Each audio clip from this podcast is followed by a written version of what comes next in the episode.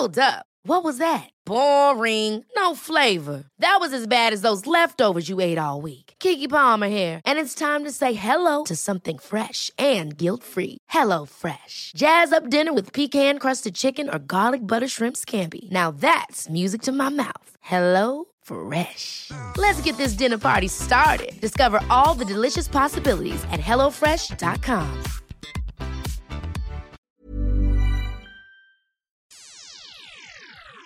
Música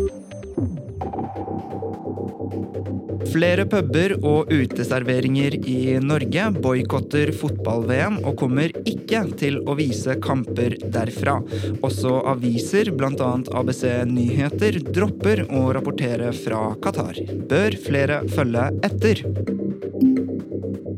Rødt og Sosialistisk Venstreparti ønsker å forby kommersiell stripping i Norge. Det får subjektspaltist Emilie Brandshaug til å reagere. Hun mener at venstresiden undergraver kvinners seksualitet og frihet gjennom et slikt forbud. Har hun et poeng? Det stormer rundt Kanye West igjen etter nye utspill på bl.a. Twitter. Talkshow-verten Howard Stern er møkk lei og sammenligner den ikoniske, men også bipolare rapperen med Adolf Hitler. Burde vi kansellere Kanye West? Du hører på Etikk og estetikk. Podkasten er tilbake i sin fjerde sesong og tredje episode. Produsent er Adrian Eriksen, researcher Peter André Hegg og programleder det er meg, Danby Choi.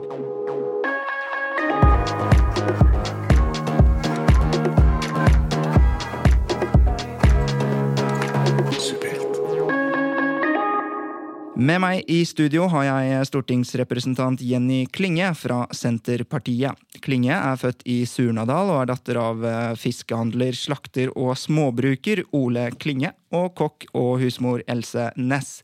Som senterpartist kjemper Klinge for særlig Distrikt-Norges interesser. Hun endte opp som elitist på Stortinget likevel, og har nokså kultivert høyere utdanning innen sosiologi, tysk og historie fra Universitetet i Oslo, samt natur- og kulturveiledning ved Norges idrettshøyskole.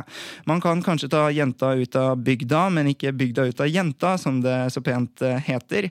I studietiden hadde hun verv i Norsk Målungdom likevel og hun eh, kjempet der for det norske språkmangfoldet. Og hun har senere tatt eh, en rekke verv i kulturlivet i Møre og Romsdal. Velkommen så mye til deg, Jenny Klinge. Tusen takk. Du har utmerket deg som en uredd stemme, og har bl.a. engasjert deg i transdebatten. Hva er dine opplevelser derfra? Opplevelsen min er jo at det er utrolig mange som ønsker å gjøre folk til mer fordomsfulle og hatefulle enn de er. Og for min del, da, som har vært opptatt av at det er fullt mulig å kombinere toleranse med fakta, så har jeg nok kjent en del på det stempelet på at, at det likevel skal være hatefull. Så jeg kjente det som noe urettferdig, men, men det er en del av debatten, sjølsagt. Ja, for noen mener altså at du er en transfob. Er du en transfob? Det er godt gjort å få meg til å være transfob, altså. Jeg må si det. Jeg har aldri vært det. Jeg er absolutt åpen for folk med ulike legninger, og folk som har ulike oppfatninger av seg sjøl, ulike personlighet og kjønnsidentitet, som, man også kaller det. Uh, så uh, det handler ikke om å ikke være åpen for det, men det handler egentlig bare om å minne om at vi kan likevel fortelle at mennesket som art har bare to kjønn, og at det ikke er mulig å skifte kjønn som, som menneske, da, samtidig som vi har de her tolerante holdningene og den åpne tilnærminga til andre mennesker. Mm. Og, og, selve transdebatten og kjønnsdebatten den blir veldig het. Vi i Subjekt har også uh, fått samme merkelapp som deg. Og, og, hva er det du tror ved selve uh, denne debatten som veldig, gjør den så veldig følsom og så overopphetet? Jeg tror det handler om at uh, kjøler mange av dem som, som stempler oss som noe vi ikke er, de gjør det nok fordi at de så gjerne vil vise at de er tolerante. Eh, og så ender de med å være så tolerant at de blir intolerante overfor fakta. Eh, eh, I hermetegn tolerant, da. Så jeg tror det er ei tid nå der vi ønsker alle sammen egentlig å vise at de fleste av oss da, ønsker å vise at vi inkluderer andre, uansett hvem de er. Og så bikker det over. For somme så bikker det over til å, til å gjøre det sånn rett og slett de føler sjøl at de er nødt til å ta avstand fra fakta, da, biologiske fakta, for å være tolerant nok. Og da er det lett å stemple andre da, som, som klarer å kombinere det her med fakta og toleranse. Du har sittet på Stortinget siden 2008. Opplever du deg selv om, som et eh, vanlig, vanlige folk? Ja, i, i, høyeste grad. da. Jeg tror alle sammen som følger med på Facebook, eh, i hvert fall ikke ser på meg som en sånn vanlig stortingsrepresentant, kanskje. jeg kan jo be folk om å gå inn og se. Og da, eh, det, det, handler om at jeg har vært opptatt av å ta vare på både humøret og humoren og personligheten min, eh, og, og hele tida huske på hvor jeg kommer fra. Jeg kommer fra en liten dal på Nordmøre, verdens vakreste plass for øvrig. Um, og jeg kan aldri bli noe annet enn det jeg er, men sjølsagt så har jeg jo en rolle og en posisjon som gir meg sjøl mye mulighet til å påvirke, og jeg prøver å bruke den så fornuftig som mulig, da. Og så har du eh, altså mye humor og humør, ja. Blant annet eh, så postet du et bilde som etter hvert ble berømt, eh, av, som av en gave du fikk av en annen eh, kollega på Stortinget. En musematte. Kan du fortelle litt om bakgrunnen? Du fikk en samme musematte fra oss her. ja, Det var en litt sånn komisk bakgrunn. da. Det var faktisk en musematte jeg gikk og henta med IT-avdelinga sjøl. Jeg fikk ikke som gave, faktisk, men eh, det var en eh, idé jeg fikk. Fordi at i stortingssalen så er det skinnstoler. De skinnstolene er fryktelig ekle å sitte på for folk som ikke er spesielt lange. da.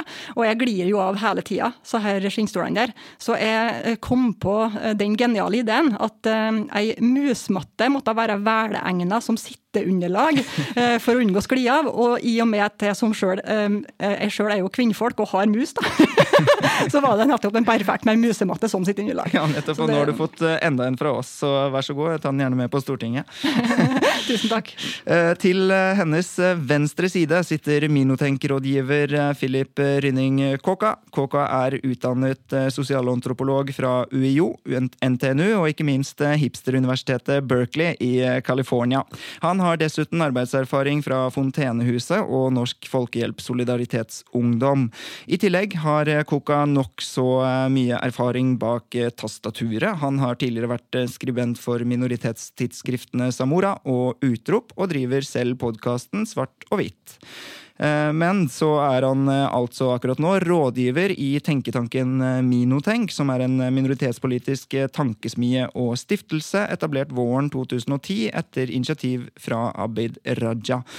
Minotenk skal jobbe for å fremme inkludering og likestilling, og for å motvirke utenforskap, rasisme og diskriminering. Velkommen så mye til deg, Philip Ryning Kåka. Tusen takk for det. Gratulerer så mye med ny jobb i Minotenk. Hva er det du skal gjøre der? Nei, jeg skal gjøre uh, litt forskjellig ut ifra det mandatet du nettopp uh, fortalte om. Uh, det blir Jeg har jobbet nå en del med arbeidet med en kvitteringsordning. Og sittet i litt forskjellige panelsamtaler allerede. Og også gjør litt, holdt på å si, forefallende arbeid. Så vi Det er egentlig veldig mye forskjellig ut ifra det jeg har sagt nå, da. Du har skrevet om systematisk rasisme. Kort og godt, er det systematisk rasisme i Norge? Ja. Og hvordan, hvordan, ser man det? Eh, det ser man i boligmarkedet. Man ser det i arbeidsmarkedet. Og jeg mener også at man kan gjerne se det i hvordan en del tillitsvalgte ser ut. Du har mange skuespillere som har fortalt om castingjobber og castingprosesser som fungerer på en diskriminerende måte. Ehm, så svaret enkelt er ja, men så kan det selvfølgelig utbroderes. Kan du huske en spesiell episode eller noe som fikk deg til å innse at arbeidet mot rasisme var viktig? Eh, jeg har jo ser ut som jeg gjør. Jeg er halvt norsk, halvt gambisk. Så det er nesten sånn iboende jeg har i meg. Ehm, så jeg kan ikke si at det har vært en enkelt episode, eh, for å si det rett ut. Moderen og faderen fortalte om ting de opplevde eh, på slutten av 80-tallet, starten av 90-tallet. Heldigvis har vi gått i riktig retning eh, etter den tid, men allerede da på barneskolen så forstår man jo at det er en jobb å gjøre. Og eh, hva er de største utfordringene minor minoriteter sliter med i dag? Ja, det, Nå spør du én minoritet, da. Eh, så, men mine Det er egentlig et godt spørsmål, men jeg tror jo kombinasjonen mellom opplevd diskriminering og psykisk helse er én ting. Hvordan, hvordan, da? Nei, at eh, du har dette begrepet minoritetsstress som en del minoriteter kjenner på, som er et produkt av stress du opplever fordi du er en del av en minoritet. Og det å kunne håndtere det på en god måte, at du har hjelpetilbud som tar det på alvor og besitter rikelig med kunnskap om det fenomenet. Jeg tror ikke vi er der ennå at minoriteter har et godt nok tilbud. I hvert fall sånn jeg ser det. Og så For å legge til, så tror jeg jo at litt som var inne om, dere var innom i stad, at um, debattene som omhandler mange minoriteter, blir veldig oppheta. Så uavhengig av hvilken side du sitter på, så er det vanskelig å komme til noen gode samtaler. Jeg tror det også preger mange minoriteter, enten det er etniske, religiøse eller skeive. Um, ja, men Dette kan jeg snakke om i timevis, men veldig spennende spørsmål. Jo, Men også fordi at det er så personlig, kanskje. ikke sant? Fordi at ja. alt dette er knyttet til personer og ja. deres bakgrunn, identitet, hudfarge. Ting som sitter ja. fast i folk. Mm. Og eh, det kunne vi snakket i evigheter om, som du sier, men i dag skal vi snakke om tre andre nokså riktig spennende temaer, nemlig Kanye West, stripping og Boikott av Qatar-VM. Qatar-VM, ja. Veldig bra. Jeg heter Sofie Elise, og du hører på Etikk og estetikk, en podkast fra Subjekt.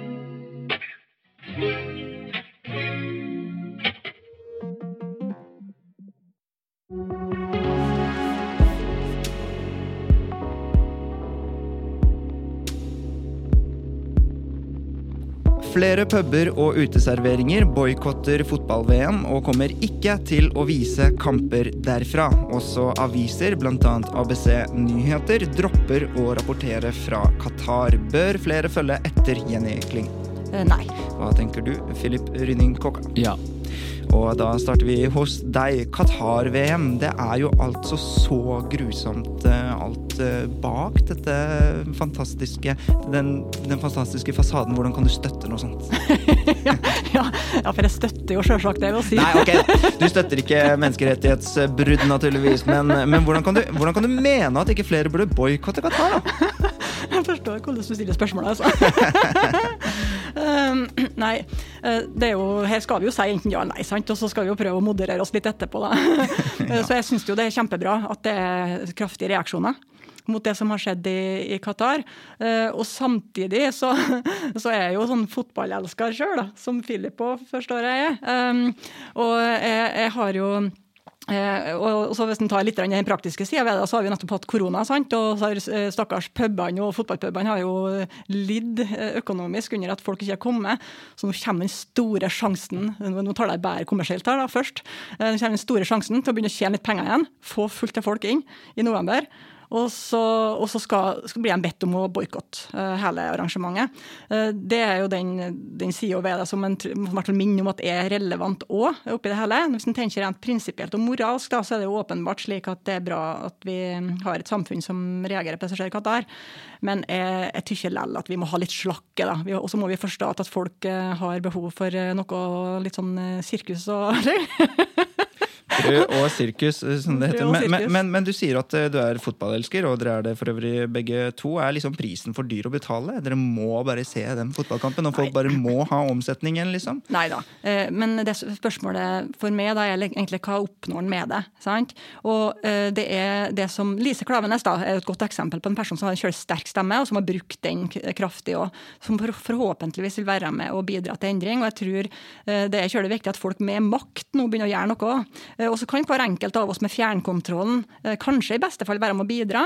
Men så har jo en, eh, nå er ikke alle mine tanker som er like lur, det skal jeg innrømme, men jeg hadde en tanke her tidligere, og det var jo at hvis at en måler, måler hvor mange som ser på fotball-VM, kampene underveis nå, og det er et poeng liksom, at fjernkontrollen skal styre liksom, og markere moral her, så er det ikke nødvendigvis slik at en kommer bedre ut av det hvis fotballpubene er stengt. For da vil det jo faktisk være mange flere enkeltpersoner som sitter og ser den kampen.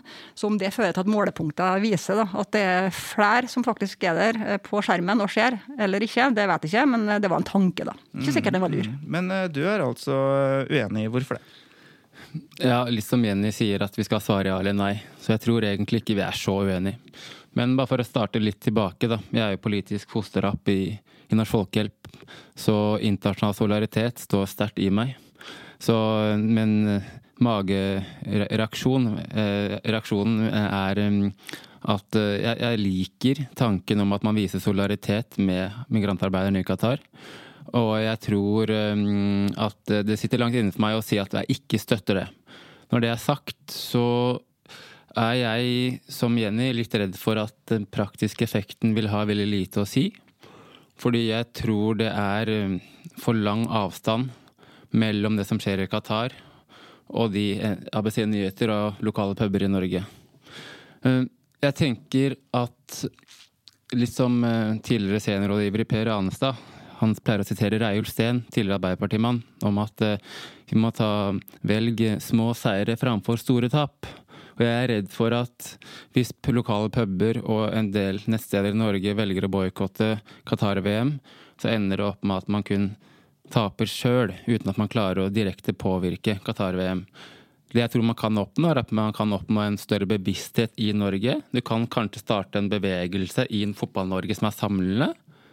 Men jeg lurer på om vi heller kanskje må, i så fall, det er bare en tanke jeg har, må vi gå komme nærmere Norge og påvirke? Må vi påvirke NFF? Må vi påvirke fotballkretsene våre? Mm, mm. Som igjen kan påvirke Fifa og Uefa. Og jeg mener også at kanskje man må begynne å snakke om, eller mange gjør det, men det er vel altså, Qatar og migrantarbeidere, det er én ting. Men Fifa er jo et like stort problem. Som velger å så, tildele Qatar-VM. Vi hadde jo noe av den samme debatten i 2010, var det vel, da Sør-Afrika fikk VM. Var det 2014 Brasil fikk VM, hvor det også var en del betenkeligheter. Eh, så kanskje også at man skal gå direkte mot Fifa. Det er en del som gjør det òg, men jeg lurer på om igjen avstanden fra lokale puber, som jeg leste om Mellomveien i Trondheim f.eks., blir for stor til reell påvirkning. Men at det kan ha effekt på solariteten her hjemme og en bevegelse, ja det tror jeg. Men er det ikke litt enkelt da å bare si, vi tre her, at det er ikke vårt ansvar, det her må liksom de større, større organisasjonene og institusjonene gjøre noe med? Blir det ikke litt for enkelt? Kan vi ikke alle bidra ved å ikke se ikke vise. Jo, jeg, jeg støtter den tanken veldig mye. Ja, for Du svarer jo i utgangspunktet at flere burde følge, følge etter fotballpubene ja, og ikke vise. sant? Ja, og jeg mener jo det er mulig å ha to tanker i hodet samtidig. Og, så ja og nei. Og så i utgangspunktet hvis alle Ja, Men fy flate, ja og nei er ikke lov å svare i denne podkasten her! Eh, men, eh, men, altså, igjen, da. At eh, jeg mener at det holder ikke å bare snu seg rundt. Men i fotballen så har vi jo så, Igjen, de store aktørene er så styrende, da. Og er det, er det riktig å legge ansvaret på den enkelte fotballsupporter? Så har vi jo sett at når denne superligaen var det i fjor, ble utbredt som et forslag, så tok jo eh, fotballsupportere over hele verden til, til motmakt, mm. særlig i England, hvor de endte med å stoppe noen kamper. Og man endte med å Ok, prosjektet ble lagt dødt, da. Men jeg tror det, rett og slett, i så fall må det håper å si, være radikale her. Det må sterkere lut til. Da må vi, da må vi kline til, da. Og vise. Ja, men uh, Lise Klaveness klinte jo virkelig til med den talen og alt mulig. ikke sant? Hvor, uh, hvor høyt opp må man? ikke sant? Hun er fotballpresident. Så ikke på, blant presidentene så, så, får man til disse endringene. ikke sant? Og Josimar, journalist, var på Dagsnytt 18 tidligere denne uh, uken og snakket om det samme temaet. Og han mente jo da at vi alle måtte bidra, og, og hvis det viser seg da at mange nok TV-er ikke uh, ruter inn på den kanalen, og det blir et upopulært VM, rett og slett, uh, så vil Fifa ta og forstå det språket. Språket de snakker er penger, mener han. Og derfor er det liksom seertall. Hvis de synker, da vil ikke de legge VM til et land med alvorlige menneskerettighetsbrudd. Er ikke dette forbrukermakten man burde bruke? Jo da, det er jo det gode, virkelig gode argumentet for at en skal uh, holde seg unna TV-skjermen, selv om en har aldri så mye lyst da, til å se seg kampene. Uh, absolutt, fordi at uh, Fifa-språk er nok i høyeste grad penger, og det vi ønsker det er jo at det blir en effekt til neste gang de skal gjøre valg for å tildele VM.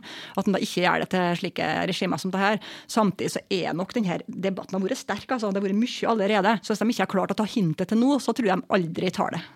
Ja, nettopp. Og, men eh, nå, hvor går egentlig grensa? Fordi det går sikkert an å snakke et sånt eh, menneskerettighetsspråk, eller og skjematisk, da, liste alle land etter menneskerettighetsbrudd.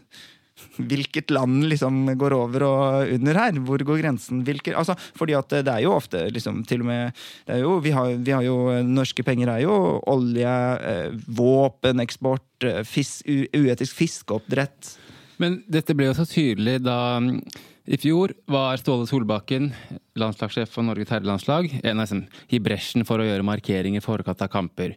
Human rights on and off the pitch.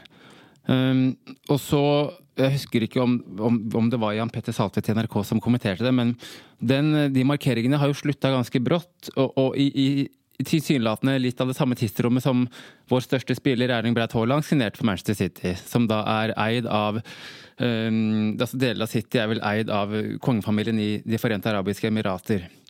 Uh, og så igjen så har vi at Mathias Nordmann, fotballspiller på Norge, som ikke får spille på landslaget lenger fordi han signerte for en russisk klubb. Mm. Så jeg syns spørsmålet du stiller er jo veldig betimelig. Uh, hvor går grensen? Martin Ødegaard spiller vel også for et lag, Arsenal, hvor det er en del uh, hva skal vi si, kritiske penger innabords. Men det er jo derfor jeg tror også ganske mange supportere klør seg i hodet og spør hvor går grensa? Den internasjonale olympiske komité har fått masse kritikk for at eh, Kina arrangerte OL. Og igjen, da fikk vi også et spørsmål om hvorvidt den enkelte langrennsløper skulle blitt ansvarlig. Så i mitt hode så er altså, det er eh, rett og slett litt vanskelig å navigere seg ut til å finne en, en, fornuftig vei, da. Fordi det kommer så mange sidespor hvor du egentlig må ta stilling til mange ting. Og jeg innerst, innerst inne så føler jeg at store deler av toppidretten har blitt såpass eh, skitt og, og, og pengegrisk at, um, at, det er lettere å se på Obos-ligaen og tredjedivisjon, for der er det ikke like mye penger. Men det blir ikke like gøy, Jenny Klinge. Nei, det blir jo det artig det òg, men uh, på en annen måte. Uh, men jeg tror en, en, viktig del av det her altså Jeg tror det var feil, eller er ganske sikker på at det var feil å tildele VM til Qatar. Men uh, samtidig så er det jo spørsmål hvilket nivå skal vi legge oss på. Og det som er fint med idrett og idrettsarrangement, der all verdens øyne blir retta mot arrangementet, det er jo at det også kan bidra til at det blir satt hatt kritisk fokus på en del ting som da kan bli, faktisk kan uh, føre til framskritt framover.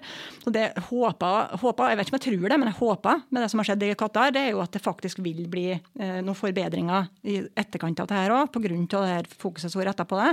Og så er det andre stater som ikke er kanskje så uh, opplagt problematisk som, som, Qatar. Så er det jo i, i, beste fall så kan jo fotballarrangement og andre sånne store arrangement bidra til demokratibygging og, og til mer kanskje likestilling og sånn sant? At, eh, fordi at eh, pengene i seg sjøl, eh, det at de ønsker å få til dette her, vil kanskje føre til at de gjør noen forbedringer. I beste fall, ja, for, det må si. Ja, fordi det er ikke noe tvil om at de virkelig har fått kjenne på negativ omtale dette VM-et. Um, men det er ganske interessant det du sier, fordi f.eks. For når Russland går til krig, eller når Israel skal arrangere Eurovision, eller, så, så, er det litt det, det, er nok umulig å være like prinsippfast alle ganger mm. for et enkelt enkeltmenneske så vel som et land. Og, og, og når, når, rammer det egentlig um, uskyldige russiske dansekompanier eh, versus uh, den faktiske statsmakten og de faktiske oligarkene osv. Dette er så mangefasettert og så mm. komplisert. Men uh, for, uh, for, først som sist, eller kanskje bare sist, oppsummere hvorfor man skal boikotte VM i Qatar, så syns jeg David Stenerud, som er redaktør i ABC Nyheter, oppsummerer det ganske bra. fordi de har da bestemt seg for å ikke dekke fotball-VM i Qatar. Eh, jo, de skal dekke det kritisk og alle tingene som, som, som skjer rundt, men de kommer ikke til å skrive hvem som vant hvilke kamper. da. Og begrunnelsen den er at eh, korrupsjonen rundt tildelingen av VM i fotball 2022 gjør at Qatar mangler legitimitet som vertsnasjon. Eh, altså i det hele tatt eh, rundt at de fikk tildelt VM, er det snakk om at det har vært korrupsjon. Qatar er i praksis i tillegg et diktatur under religiøs og politisk ledelse, skriver han, av den herskende Altan-familien.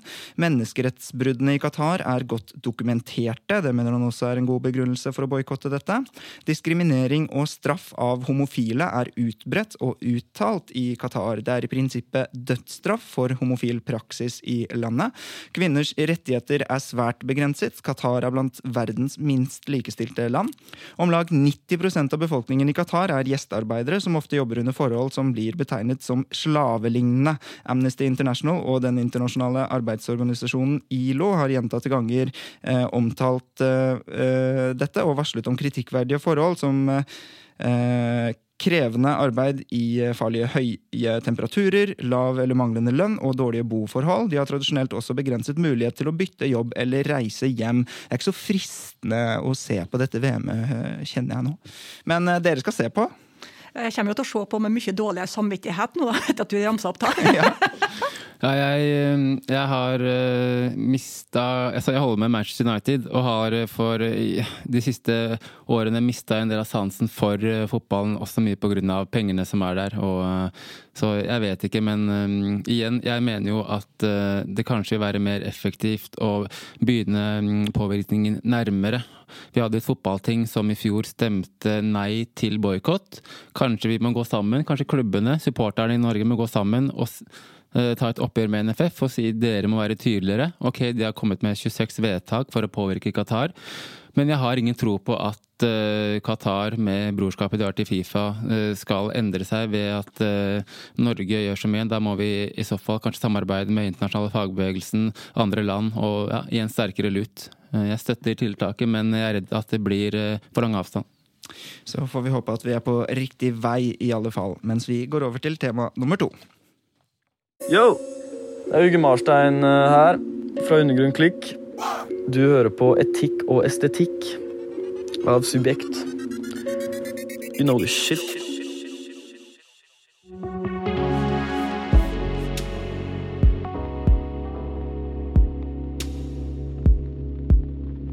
Rødt og Sosialistisk Venstreparti ønsker å forby kommersiell stripping i Norge. Det får subjektspaltist Emilie Brandshaug til å reagere. Hun mener at venstresiden undergraver kvinners seksualitet og frihet gjennom et slikt forbud. Har hun et poeng, Kåka?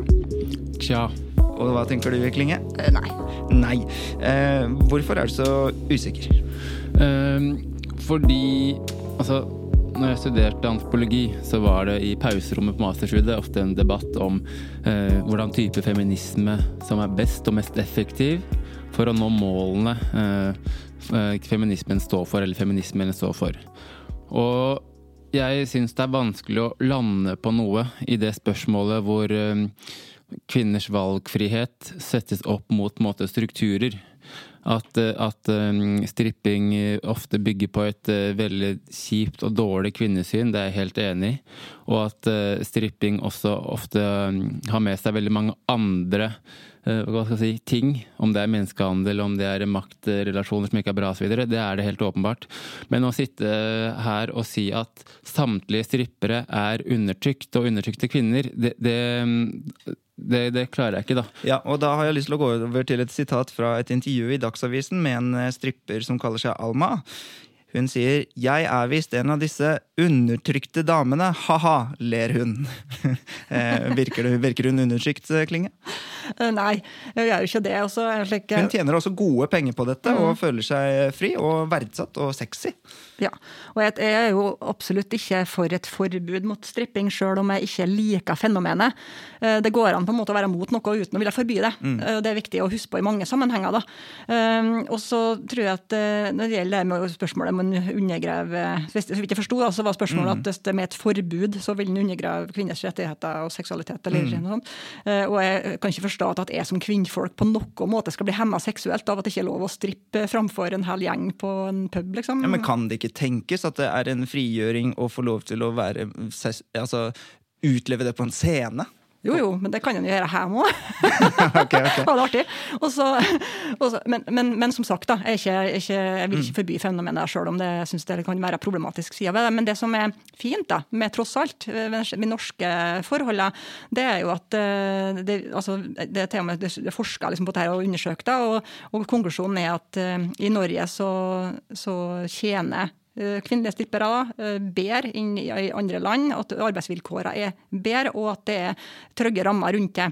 Eh, og Det som kan være den store negative greien ved å skulle forby det, hvis de ser for seg at det går under jorda, at det blir sånn illegal uh, marked for det, det er jo at da har han plutselig ikke så her overvåkningskamera eller, eller så her sikkerhetsvaktene, og kanskje ikke den lønna som man har i dag, og så blir det farligere og så og mer problematisk. Så ja, det er jo den sida. For det er jo ikke sant, det er mange liberalister i mange forskjellige spørsmål, både rundt sexkjøpsloven og rundt narkotika osv., så, videre, så, så snakker man om at man gjør eh, vanskeligstilt en bjørnetjeneste. ikke sant? At det er kontraproduktivt å flytte narkotikamarkedet ut i gatene og å flytte eh, stripperne til å gjøre dette i mørklagte rom i stedet for. Eh, når forskning de viser til, i hvert fall, sier dette og bekrefter dette, eh, hvorfor skal man da eh, moralisere eh, rundt dette spørsmålet i det hele tatt? Eh, altså, jeg tenker jo at uh, moralisme har vi veldig mange steder i samfunnet, så jeg tenker at moralisme er ikke problemet, utfordringen i seg selv. Uh, jeg tenker jo at vi er jo nødt til å Nå høres det ut som at jeg går imot meg selv her, og det får så vidt være greit, men um, vi må, jeg tenker vi må se også litt på konteksten vi, vi lever i og historien, og at det er, har vært historisk et veldig stygt og stort maktforhold mellom kvinner og menn. Og jeg tror det er der SV og Rødt kommer fra, og mener, som, som veldig mange eh, på venstresiden i Norge ser, altså hvordan de ser på eh, kvinnekamp og forhold mellom kjønnene, at kvinnene oftere kommer dårlig ut, og at dette med fri vilje ofte er eh, ja, ikke er reelt, da. Og man, spiller, man stiller seg jo spørsmålet i hvor stor grad er det frivillig at en kvinne vil, eh, vil strippe, og ikke minst hva, det, hva som kan det forringe synet på kvinnekroppen utover det. Og det syns jeg er betimelig spørsmål. Ja, Eh, men, men hvis man stiller det rundt f.eks. hijab, da, hvor, hvor sannsynlig er det at hun har den med vilje osv., så, videre, så begynner man å snakke om at man kanskje egentlig ikke gidder å høre på de som faktisk gjør disse tingene selv. Og Alma her sier jo at hun gjør det av fri vilje. Ja, og det er jo viktig å lytte til, og det er derfor jeg sier tja. fordi i utgangspunktet så er jeg ganske enig med Rødt og SV, men når jeg leser eh, hva Alma skriver, så kan ikke jeg som, altså, si, som mann med, med den bakgrunnen jeg har, si at nei, Alma, du skal ikke få lov til å mene det du mener. For det blir også på en måte Ja, for du vet, du vet ikke, liksom. Nei, ikke sant? ikke sant? Eller At man sier det til henne. Mm. Ja, eh, og igjen den der at du er undertrykt, men du vet ikke sjøl. Det er no noe rundt det her, da. Ikke sant? Og hun har altså litt eh, lik bakgrunn som deg. Hun er i hvert fall utdannet sosiolog og skrev selv en bacheloroppgave om stripping i Norge. Og hun mener at Rødt ikke bare ikke eh, belegger påstanden om at dette er en eh, kvinnediskriminerende industri. Tror dere det finnes mye av dette? At det belegges ikke, det bare antas at dette, at dette, er, dette må jo være galt. Ja, det er alltid en fare for det. Og det er det her med, Apropos begrepet moralisme og, og det å se ned på uh, visse aktiviteter som en ikke liker sjøl. Vi, vi er jo litt sånn som mennesker. Men uh, hvis jeg har forstått det, så er det vel heller ikke sånn spørsmål om direkte om å forby, det, forby stripping som fenomen, men det var mer slik eh, nekt eller sånne plasser da, som har strippeklubber. Eh, nekt strippeklubber skjenkeløyve, slik at de ikke får inntekt på det, og nok inntekt da, på å holde på, slik at de dør hen. Det var det som var kanskje eh, spørsmålet. Og, det, og der er det jo slik at vi har jo lokaldemokrati, ja, sånn at hver enkelt by eller kommune har jo mulighet til å ha regler lokalt, eh, som, eh, for å innrette seg på den måten de ønsker. Og Det syns jeg egentlig er noe fint med det her norske demokratiet. At vi har såpass mye lokalt selvstyre at det går an å gjøre vurderinger også rundt om. da. Eh, Sissel Fjelltun, som er kvinnepolitisk leder i SV, hun kaller seg selv for moralist, og i et svar i Dagsavisen, som riktignok heter Svar fra en moralist, eh, så skriver hun i det moderne Europa er hore et vanlig skjellsord på skåren. Nesten 10% av norske kvinner har opplevd en voldtekt, og ukrainske kvinner på flukt blir utsatt for forsøk på trafficking. FN estimerer at 250 000 mennesker blir utsatt for trafficking i Europa hvert år, hvorav flertallet er kvinner og barn. Strippeklubbene må ses i et større perspektiv som en av mange måter mens eh, eh, Og så kommer det sånne chevroner, eh, an, anførselstegn. Rett, altså mens rett til kvinnekroppen blir eh, forsterket gjennom f.eks. strippeklubben og liksom disse holdningene som eh, forfektes der. Eh, gjennom å fremstille menns betaling for å se på kvinner som uskyldig underholdning, og ved å portrettere kvinnene som uavhengige og frie, kan jeg nesten glemme at det er kvinnene som er produktet, og mennene som betaler, som har makten. Blir kvinnene på en måte sånne streikebrytere her? Er Alma en sånn streikebryter av kvinnekampen? Hva, hva skal man tenke her? Er det det større kvinnekampen som er viktigst, eller Almas personlige beretninger om temaet? Uh, uh, jeg uh, Jeg har lyst til å si at jeg syns kvinnekampen i helhet er viktigst. Samtidig som jeg mener jo at Alma er først og fremst Alma. Og hun, hun eh, er jo Altså, dette er jo overførbart til andre minoriteter. At jeg er jo ikke først og fremst en representant for norskambere. Ikke sant?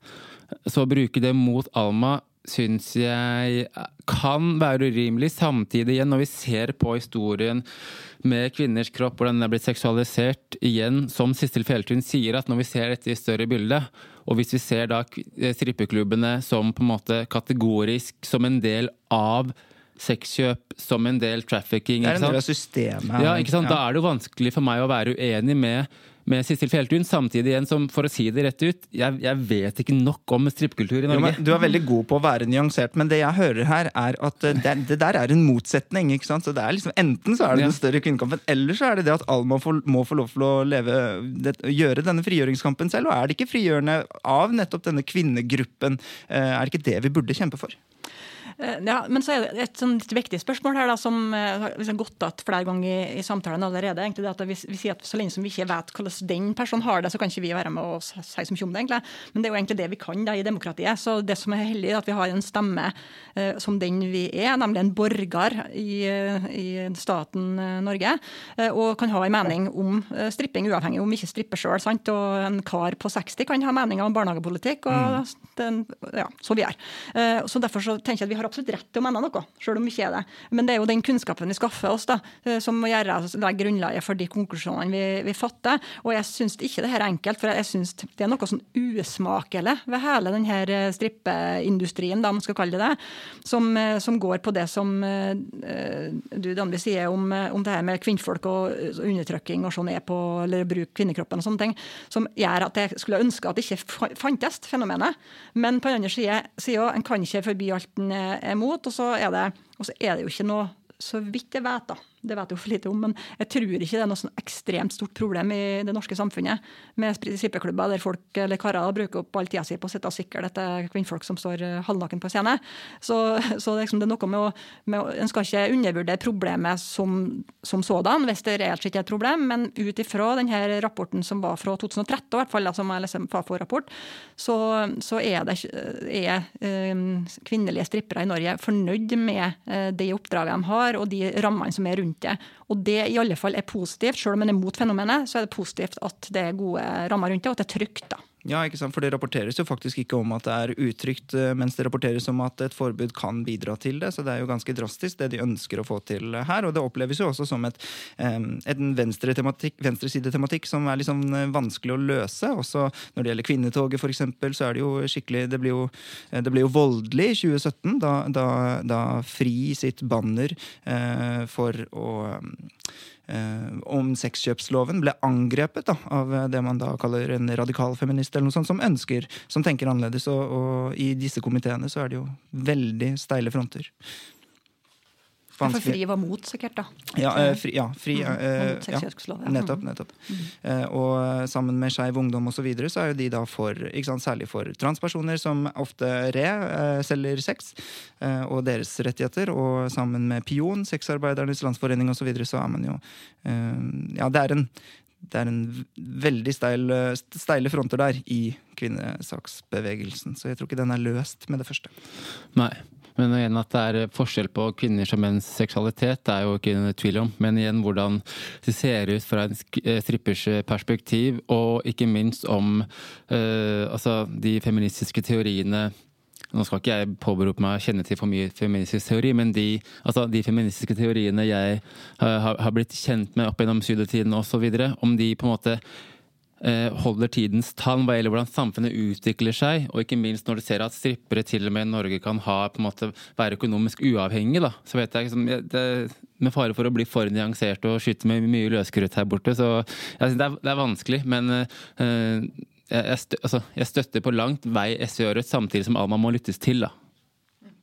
Nettopp. Og med det kan vi gå over til dagens siste og tredje tema.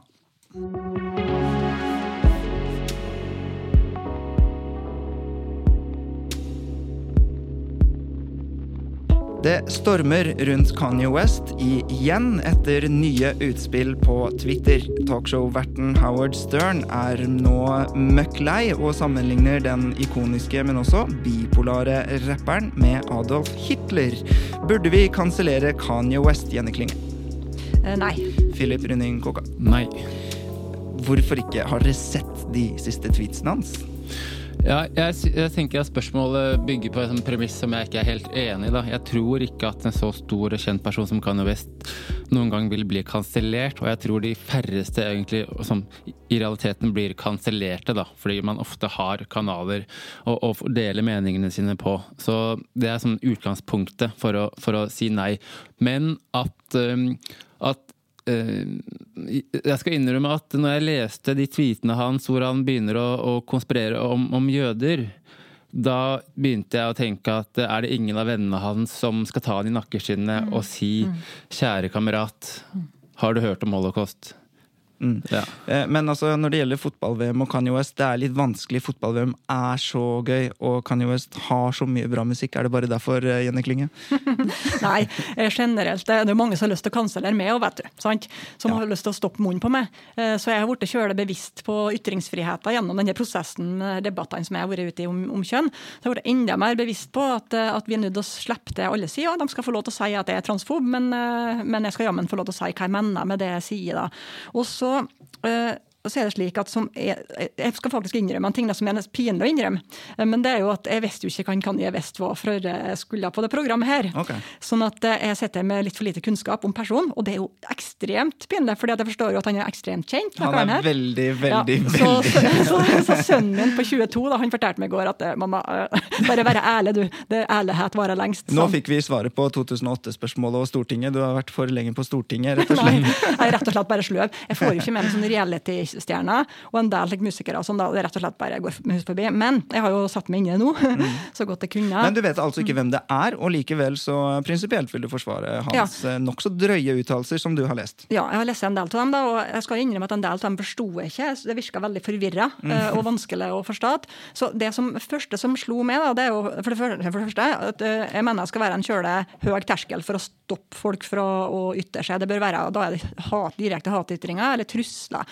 Omtrent alt annet syns det er greit. Eh, og så er det også som et prinsipp så har jeg det også slik at jeg sletter veldig få kommentarer fra mine egne eh, kommentarfelt, fordi at jeg mener at eh, det er folks rett å se når folk driter seg ut. da. Hvis folk driter seg ut ordentlig, så, er det, så lett de får lov til å stå der enda. Folk skal få lov til å se det. Men så når jeg så på det her Kanye West-greien, så er det tydelig at han er jo kjempeflink til det han holder på med, og har mange evner. Men så ser det jo også ut som han trenger omsorg. Eh, Disse kameratene som du Philip, nevner, som skulle ha vært der for han. Og kanskje han skulle hatt ei behandling. sant? Eh, Det vet vi ikke noe om. da skal ikke jeg si noe om det, for jeg vet ikke for lite om den, men si nå at vi, si at jeg da, si at jeg har en periode der jeg har et problem psykisk, og går helt amok eh, i, eh, på Facebook. Så, så håper jeg jo at folk for det første lar meg få lov til å gå amok, det er greit, måte, men at noen eh, kanskje hjelper meg til å få, få roa meg litt ned. for Fordi at det er forskjell på ting som er helt forvirra, og ting som har mening. Eh, Og det er det jeg er kanskje litt eh, redd for i dette tilfellet her, da, at det kanskje blir litt for forvirra. Og alle kan være bipolare og ha maniske perioder og sånn, men det blir så mye mer alvorlig når det gjelder han, fordi det er så mange som ser på han når han snubler. Og han eh, har jo blant annet runna for å bli president, er kompis med Donald Trump og var sammen med Kim Kardashian. Hvem av disse skal han spørre for å få hjelp, syns du? Hmm, Ja, nå, jeg tenker at Donald Trump har nok sitt å stri med, og Kim Kardashian er han skilt fra. Så jeg Ja. tenker han har vel uh, venner rundt seg. Men når det er så kjent, så er det vel kanskje vanskelig etter hvert å skjønne hvem som er venner, og hvem som er venner i hermetegn. Uh, jeg syns det er litt riktig av Twitter og Instagram å stoppe profilen hans. Men igjen, det jeg som reagerer på ordlyden her, er det med at han blir kansellert. For jeg tror han uansett vil finne en måte å ytre seg siden han er så kjent og stor. da, ikke sant?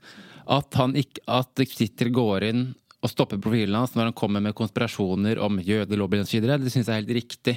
Men øhm, jeg tenker jo også at øh, det at Howard Stern er lei av, Kanye West, det, det skjønner jeg. Men igjen, dette, som Jenny sier, jeg tror han trenger øh, med fare for å holde på å si, som hans smålig, så han trenger omsorg, og vi må, tror vi må innse at eh, det handler kanskje først og fremst om psykisk helse. Og at igjen det er derfor jeg, som, jeg stiller meg virkelig undrende til at en mann som har så mye makt, han har gjort så mye bra musikalsk, evner i 2022 å skrive konspiratorisk om altså, om en gruppe som eh, man har altså Hvis det er noen grupper som har opplevd mye konspirasjoner, hva gjelder direkte konspirasjoner, så er det jo jødiske mennesker. Så Det er derfor de virker helt off. Riktig å, å, å, å slette profilen hans, ja.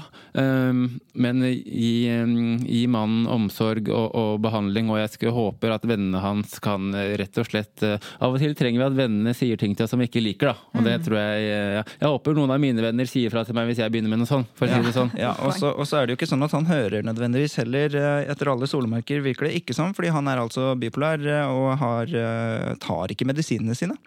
Eh, Så det kan jo bli en vanskelig øvelse også for de sosiale medie, medieplattformene. Det ene er jo eh, konspirasjonsteorier, og vi har sett dem eh, blokkere flere eh, brukere av den grunn, men eh, det andre har jo, er jo et aspekt ved sånn å verne folk mot seg selv-type type ting. Men, men skal man gjøre det med folk eh, som altså har de største fø- følgemassene, om de er presidentkandidater som Trump, eller om de er eh, Det er jo demokratisk tilegna, ikke sant? Og skal man, skal man blokkere en som, en som halve USA stemmer på?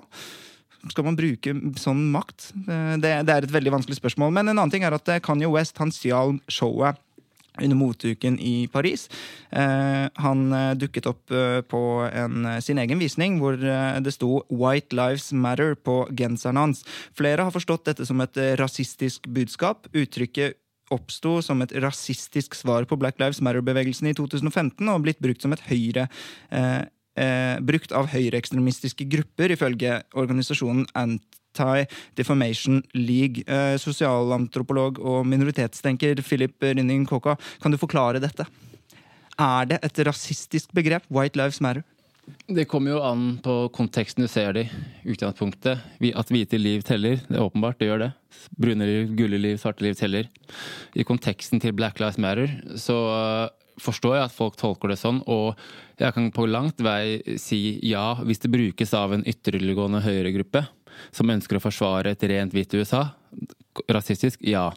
Når Kanye West bruker det om, om igjen, om det er altså Det gir nesten ikke mening at en svart amerikaner har det på, bak på genserne sine. Jeg, det blir som, igjen, Jeg klarer ikke å skille dette fra psykisk helse. Men hvis jeg svarte på spørsmålet ditt, så når det brukes av den gruppen, ja.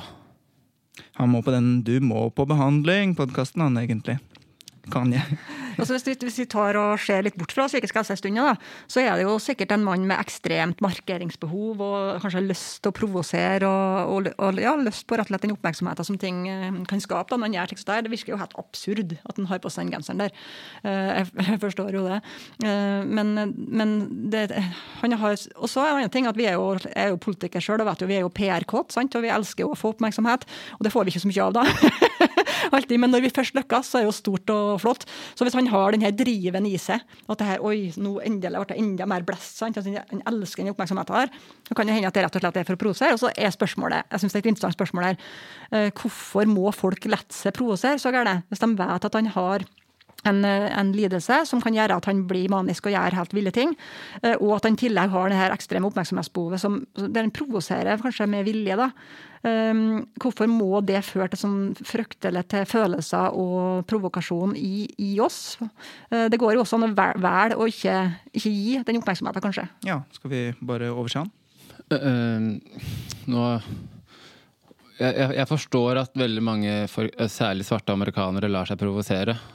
Øh, og med den historien og hvordan samfunnet er bygget opp her. Så det syns jeg ikke er så veldig rart. Og jeg tror også mange, veldig mange har sett på Kanye West som på en, måte, en, en si, foregangsfigur for mange svarte i USA som har klart det. Uh, men bare for å legge til noe i det jeg sa at Jeg, jeg trodde først at White Lives Matter-genserne hans var et sarkastisk stikk til på en måte ytre høyre. Uh, så da, det har jeg nesten Ja, Men da har du ikke fått med deg at han er helt psycho. Han har vært det i fem år. nei, nei, nei, men altså, øh, fordi sånn sett så hadde jeg, tro, jeg trodde at det her er et måte sånn, nesten sånn retorisk grep hvor han, hvor han stadfester det som har vært åpenbart i amerikansk politikk og politivesen, at noen liv teller mer enn andre. Men når det igjen da det viser seg at går dette på en måte i samme retning som det at han er eh, veldig glad i Trump osv. Han har sagt dette uh, Slavery, hvor lenge varte det? Og så it, has to, it had to be a choice at some point. Hvor han liksom, du har en del sånne um, sånne uttalelser eh, hvor altså, Det blir så absurd at det, det nesten ikke er hensiktsmessig. Og, og jeg klarer ikke å gi det mening.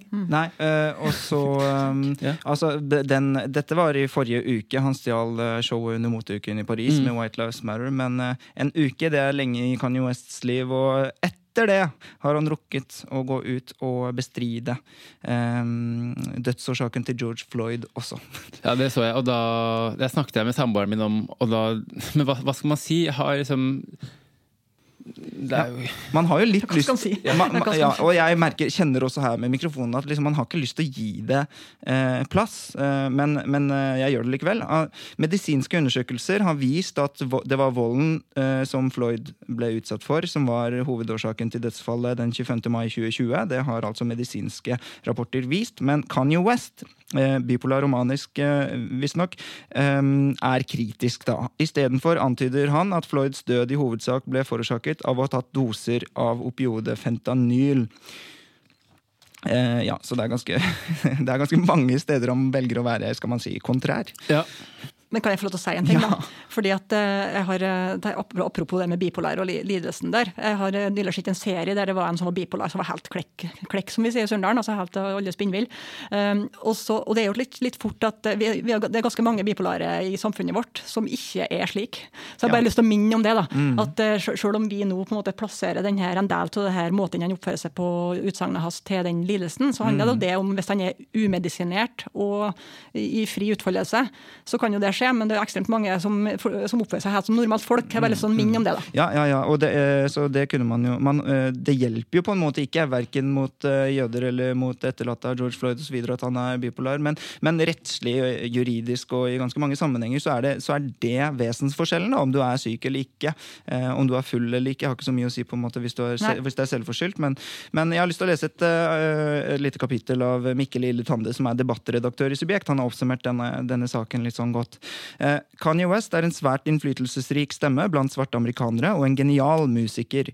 Han har imidlertid ikke vært den samme psykisk siden hans eh, kjære mor døde av komplikasjoner etter en plastisk kirurgi i 2007. Senere giftet han seg med med og fikk barn med dronningen av plastisk kirurgi, nettopp Kim Kardashian. Um, Etter skilsmissen mellom dem i fjor har det hele blitt enda verre. Kanye West har dessuten vært åpen om at han lider av bipolar lidelse, og at han ikke tar medisiner. De siste ukenes aktivitet på sosiale medier bærer et manisk preg. Eh, Det kan være en delvis forklaring, men ingen unnskyldning. Det hele kulminerte med påstander på Twitter om at rappmogul Puff Daddy var kontrollert av jøder, og at West skulle gå Deathcon 3 on Jewish people, en referanse til den militære beredskapstilstanden Defcon. Han skrev også at jøder utestenger alle som går imot deres agenda.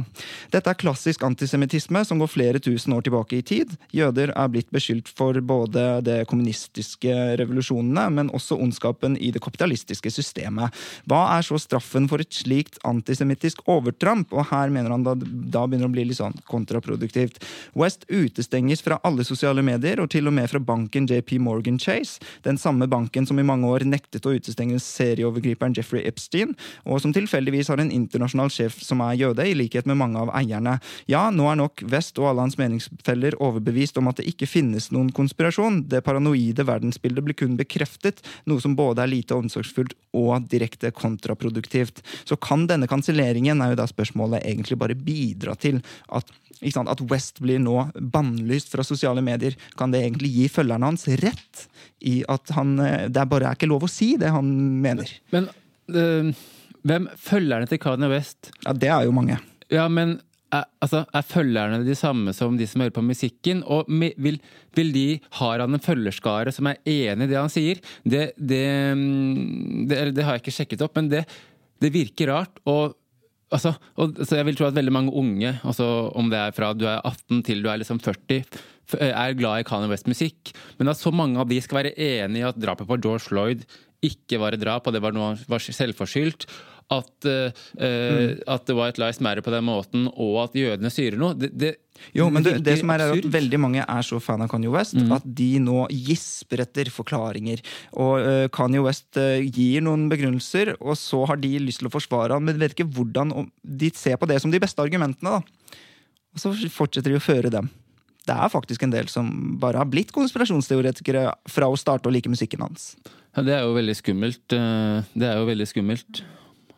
Og det er, det er jo, det, selvfølgelig er det sånn. Han har jo masse følgere, rett og slett, som følger han gjennom tykt og tynt. Det er jo sånn, altså det er et relevant spørsmål det her der med om kan de få bekrefta at de da har rett, hvis at han ikke får uh, si det han mener lenger. sant? Fordi at uh, det er jo eh, blir en paranoid nok, da. På vegne av det en tror på, så er det jo slik at en tror at ja, det er nettopp sånn type sensur.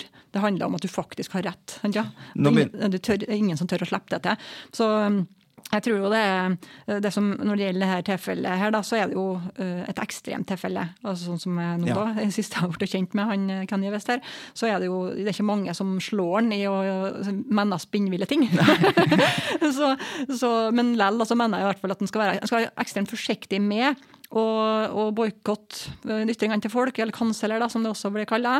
Eh, og så- men så må han ta eh, konkret stilling i et tilfelle sånn som det her. Da. Så hvis det går for langt, så må han selvsagt også sette en stopper for hva som kommer. Men det er sånn som jeg sa i stad, det er trusler og, og den type hatytringer og trusler. Så åpenbare hatytringer. Så det er sånt som bør stoppes, ikke, eh, ikke hva som helst.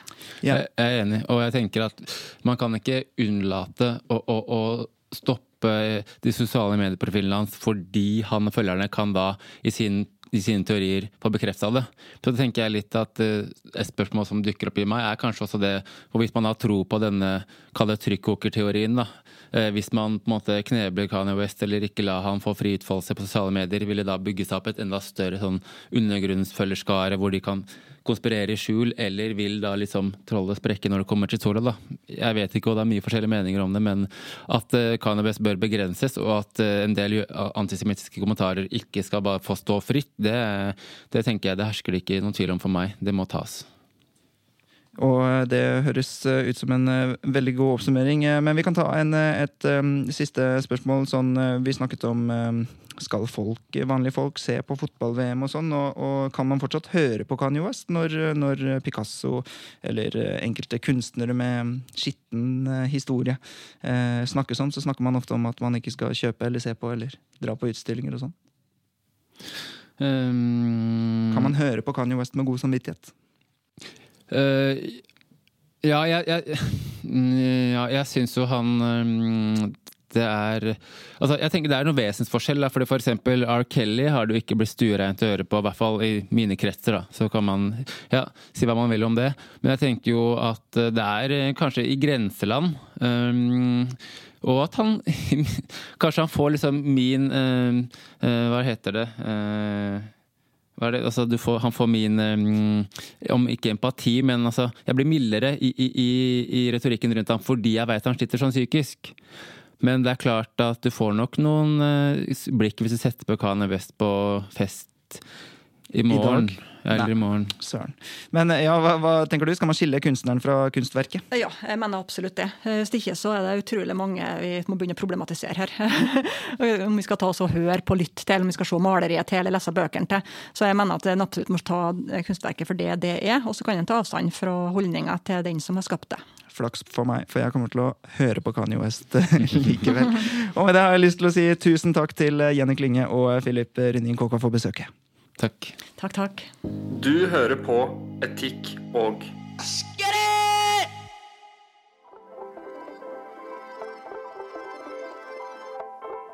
Tusen takk til eh, gjestene som eh, nok en gang eh, bidrar med kunnskap og eh, klokskap til eh, subjekt og eh, etikk og estetikk. Vi er tilbake om en uke med nokså stjernespekket gjesteliste da også, og for øvrig som vanlig. Vi håper at du kan følge oss der hvor det er relevant. På Facebook så har vi også en egen Facebook-gruppe som heter Etikk og estetikk. Der diskuterer vi samtaleemner som er relevant for podkasten, rett og slett. Eh, Og for eh, subjekt, eh, selvfølgelig. Det er også veldig hyggelig om du kan legge igjen en sånn stjernerangering på Apple Podkaster, om det er der du hører på oss, eller anbefaler anbefale podkasten videre til den du ønsker å gjøre det til. Ellers så har jeg lyst til å si tusen takk til Fritt Ord, som siden start har støttet Subjekt, men også podkasten Etikk og estetikk, og spesielt sesong fire.